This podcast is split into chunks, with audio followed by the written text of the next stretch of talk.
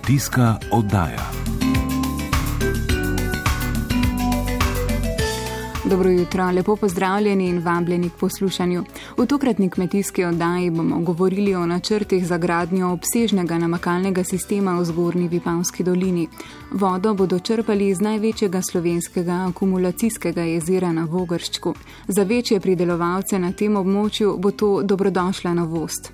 Kljub kakovostni zemlji namreč v zgornji Vipavski dolini primankuje vode. Predtem pa bomo govorili o vročinskem stresu, ki ga doživlja živina. Visoke temperature, ki smo jim priča v zadnjih dneh, za živali pomenijo veliko obremenitev. Za govedo je denimo idealna temperatura od 5 do 15 stopinj Celzija.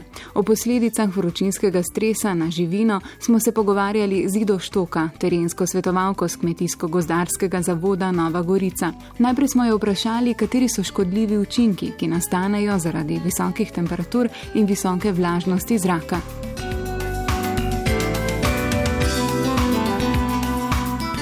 Imamo kar precej problemov, recimo poleti z krava moznice, pa tudi druge kategorije.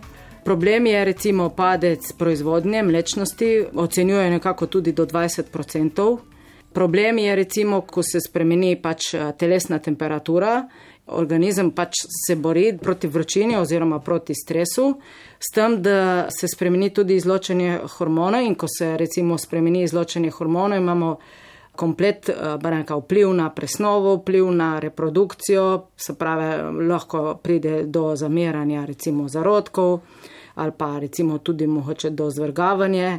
Proizvodnja, tudi parametri, recimo, ne samo mlečnost, tudi zmanjšanje vsebnost beljakovin, maščobe, en kup problemov, eh, ki zmanjšajo na koncu ekonomičnost eh, prireje mleka oziroma tudi prireje mesa, ki niso samo moznice, recimo običajno govorimo o moznicah, ki so najbolj izpostavljene, sam se moramo zavedati v bistvu, da vse živali, eh, ne samo govedo, ko pride do tiste točke, ki je presežena eh, iz termoneutralne cone, pač se organizem bori, da pač zdržuje tisto normalno telesno temperaturo. Katera pa je tista meja? Kolikšna je temperatura, ki je za živali že problematična? Pri govedu je to 25 eh, stopinj Celzija. Eh, govorimo recimo o kritični točki 25, čeprav je že temperatura 20 stopinj že problematična, ko govorimo že o stresu. Težave povezane z vročinskim stresom pa lahko lajšamo s prehrano. Uh, ja, mora biti uravnotežena prehrana, tako branka izbalansiran obrok, da nimamo branka višek uh, beljakovin, ker s tem še dodatno obremenjujemo organizem, ko mora izločiti ta dušik iz telesa in uh, je presnova še dodatno obremenjena. Pol z, do, recimo, z dodajanjem tudi določenih mineralov, recimo kali, natri, razmerje med oksidanti in antioksidanti, tudi recimo ne smemo preveč vlakninasto krmo dajati, recimo kakšno staro seno ni primerno, rajši dobre kvalitete seno, da ne obremenjujemo še dodatno s prehrano presnova. Potem prav tako moramo recimo čas krmljenja prilagoditi, dobro je, da recimo krmimo zgodaj zjutraj med 4 in 6 ali pa tudi zvečer v hladnejših delih. Potem moramo vedeti tudi eh, voda, v bistvu, da je sveža voda, da je kakor toliko hladna voda. Ker eh, s tem, ko mi recimo dodamo breka tudi s pitjem vode, se živali um, znižujejo telesno temperaturo in nekako hladijo. Ker recimo govedo v bistvu nima tako dobre termoregulacije, kakor človek in se ne tako, recimo nekako govorijo desetkrat menj kot človek, se poti, bi rekla se ne znoji in zaradi tega je problematično, mislim, problematično, ker govedo je tudi v domačeno je bilo, um, baraka je govedo uh, hladnejšega klimata in je dosti bolj um, se počuti v recimo zimskih dneh kot poleti. Kako pa, da nimo pomagati govedu, ki je poleti v hlevu, kako shladiti te prostore? Uh, ja, še posebej pomembno je recimo tisto govedo v hlevih, ker recimo živali zunaj pač nekako se ohladijo po noči eh, in si poiščejo točke vetrovne in tako. Medtem ko v hlevih pač so primorane živeti na tisti klimi. Zaradi tega moramo zelo paziti na zračenje hlevov, na ventilatorje, ki so dovolj zmogljivi. Lahko uporabimo tudi pršenje, pršenje krav, sam v bistvu ne smemo tukaj pretiravati. Pršenje z vodo, ja, ker če se poveča vlažnost, pa lahko klimo v hlevu še dodatno oslabimo. Poleti, breka, moramo razmišljati tudi, da nimamo preveč živali na gosto. Se pravi, da imajo nek prostor okrog sebe, ker bolj cirkulira zrak, da niso stisnjene ali privezane ena zdraven druga, ker pol oddaja toploto lahko tudi z dotikom. Ne? Tudi na to moramo upoštevati, že ko jih naseljujemo. Zračenje je tisto najbolj recimo pomembno. No. Kaj pa morajo rejci upoštevati, če gradijo nov hlev? Uh, ja, v bistvu upoštevati je itek potrebno tisti minimalna uh, površina na žival. Je pa tudi dobro, da uh, izbirajo primerno lokacijo, da so to vem, zračne lokacije, da niso kje zaprte. Uh, v bistvu tako, da je prostor uh, primeren, ker vemo, da niso vse lokacije primerne za gradnjo, ker izbira lokacije še, je še zelo pomembna v bistvu za nadaljno. Mogoče ni možnosti izbire, pol pa treba, ne vem, mogoče kakšne senčnike ali nekaj. Nekaj se pač treba pomagati, da živalim omogočamo boljše počutje, ker če se boljše počuti, bo boljša proizvodnja, ker na koncu Če imamo slabše počutje, slabša proizvodnja in s tem slabša ekonomika. Hvala, Ida Štokan, za vaše nasvete in obisko studiu. Če torej povzamem, visoke temperature živini škodijo, vplivajo na njihove telesne procese. Vročina je lahko denimo kriva za to, da pridelamo manj mleka. Pomembna je prehrana, tako njena kakovost, kot tudi čas hranjenja. Posebej pa moramo biti pozorni na živali, ki poletje preživijo v hlevu.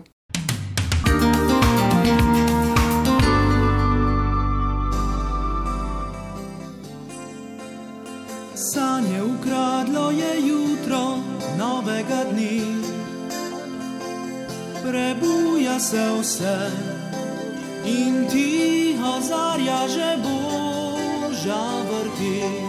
Sonce na obraz mi nižno steguje roki. Z roso, ki drami cvetlice si umije moči, či zrak me zbudi, dolini vidim le smog duši, isto pa še spi, zavito v turobni megli. Rad bi vam poslal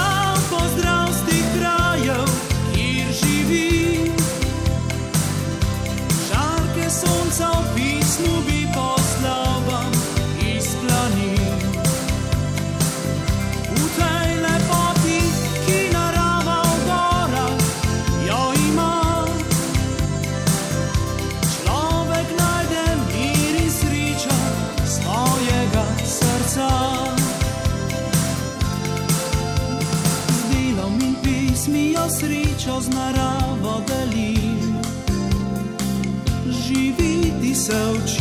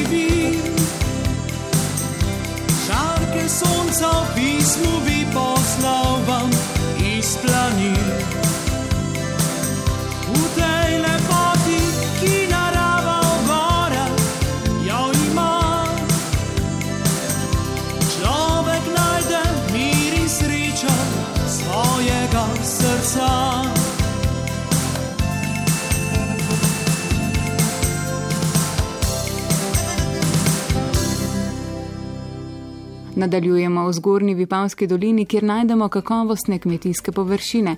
Težava je, da na tem območju ni dovolj vode. Ta problem bo sta občini Vipava in Najdoščina skušali rešiti z gradnjo novega namakalnega sistema. Pokrili bodo dobrih 2000 hektarjev zemlje, vodo pa bodo črpali iz Vogrščka, največjega slovenskega akumulacijskega jezera. Ta sistem trenutno umeščajo v prostor in preučujejo različne možnosti namakanja, razlaga Janez Furlan z oddelka za okolje in prostor občine Ajdoščina. Gre za projekt, ki bo na območju Ajdočne in občine pa verjetno največji infrastrukturni projekt po gradni hitre ceste, to si skoraj upam trditi. Sam primarni cevovod smo poskusili umeščati prostorsko gledano na javne površine, se pravi, bodi si v poti ceste oziroma v nek obcestni prostor, pretežno v pasu ob hitri cesti. Ko bojo te študije, te projekti narejeni, bo sledil postopek pridobivanja soglasij lastnikov kmetijskih zemljišč in pa nadaljne faze projektiranja v smislu projektiranja eh, sekundarnega omrežja. Sekundarno omrežje je omrežje, ki napaja neposredno same parcele. Projektiranje vseh eh, križanj z ostalo infrastrukturo, in pa pričeli bomo s pripravo stvari za sklepanje eh, potrebnih služnosti. Že v tej fazi umeščeno v prostor, pa skrbimo za to, ali pa smo zelo pozorni na optimiziranje rešitev eh, z namenom kasnejšega doseganja rekel, najnižje možne cene za same uporabnike namakalnega sistema. Namreč eh, končna cena je pomembna. Če bo ta previsoka, namakalni sistem ne bo zaživel in investicija ne bo dejansko na nek način upravičena. Vodo za namakanje zgornje Vipavske doline bodo črpali iz akumulacijskega jezera Vogršček, razlaga dr. Marina Pinter z Biotehniške fakultete Univerze v Ljubljani. Ko se je gradila akumulacija Vogršček, naša največja akumulacija za namakanje v Sloveniji je bila mišljena predvsem za kot vodni vir za spodnjo Vipavsko dolino in je tudi v ta namen bila vsaj delno izkoriščena, delno pa ni izkoriščena in pravzaprav se poskuša poiskati uh, vodo tudi za zgornjo Vipavsko dolino oziroma da se preveri možnost, a je možno namakanje zgornje Vipavske doline iz akumulacije Vogršček. Zdaj, vode je veliko na voljo, Zdaj, vprašanje je seveda, ali jo je popolnoma dovolj, ali jo je mogoče malo manj, ker bi te površine v zgornji Vipavski dolini zahtevale. To je zdaj še v preverjanju oziroma v usklajevanju. V osnovi je eh, namenjeno za namakanje 2100-2200 hektarov v zgornji Vipavski dolini in od tega približno 560 hektarov predvideno tudi za protislansko zaščito. Eh, protislanska zaščita je v primerjavi z namakanjem precej večji porabnik vode v zelo kratkem času, tako da vse te zadeve se zdaj še usklajujejo, da se bo glavni cevovod, ki se zdaj projektira, sprojektiral v optimalnih dimenzijah. Pintarjeva trenutno raziskuje, kakšne so potrebe tega območja po namakanju in ali je na voljo dovolj vode, razlaga. Po tej fazi se bo pa seveda delal zelo intenzivno s kmeti, ker naša zakonodaja za gradno namakalnih sistemov zahteva, da se lastniki zemljišč strinjajo z uvedbo namakalnega sistema in sicer v eh, obsegu dve tretjini površine, ki se jo namaka, ki je pri, eh, namenjena namakanju, mora biti pokrita soglasi lastnikov. To se pravi, da brez eh, sodelovanja kmetov se pravzaprav namakalni sistem sploh ne more zgraditi. Je pa seveda ta študija, ki se dela zdaj, pa zelo pomembna za to vrstne razgovore eno od prvih vprašanj, ki jih kmetje postavijo, pa je, seveda, kakšni stroški bojo pri tem nastali. Pa ne stroški investicije, ker praviloma je uh, ves primarni cevovod uh, do hidrantov, to se pravi primarni in sekundarni cevovod do hidranta, je uh, javna infrastruktura, za katero 100% sofinanciranje se zagotovi iz programa razvoja podeželja, ampak gre potem za stroške delovanja, pravi, kakšni bojo stroški delovanja tistih črpališč. To pa je tudi podatek, ki ga vsak lastnik oziroma vsak, ki namaka, hoče vedeti, koliko bo pa stalo zdaj to namakanje. Kot izpostavlja doktorica Marina Pinter, so potrebe po namakanju na tem območju velike.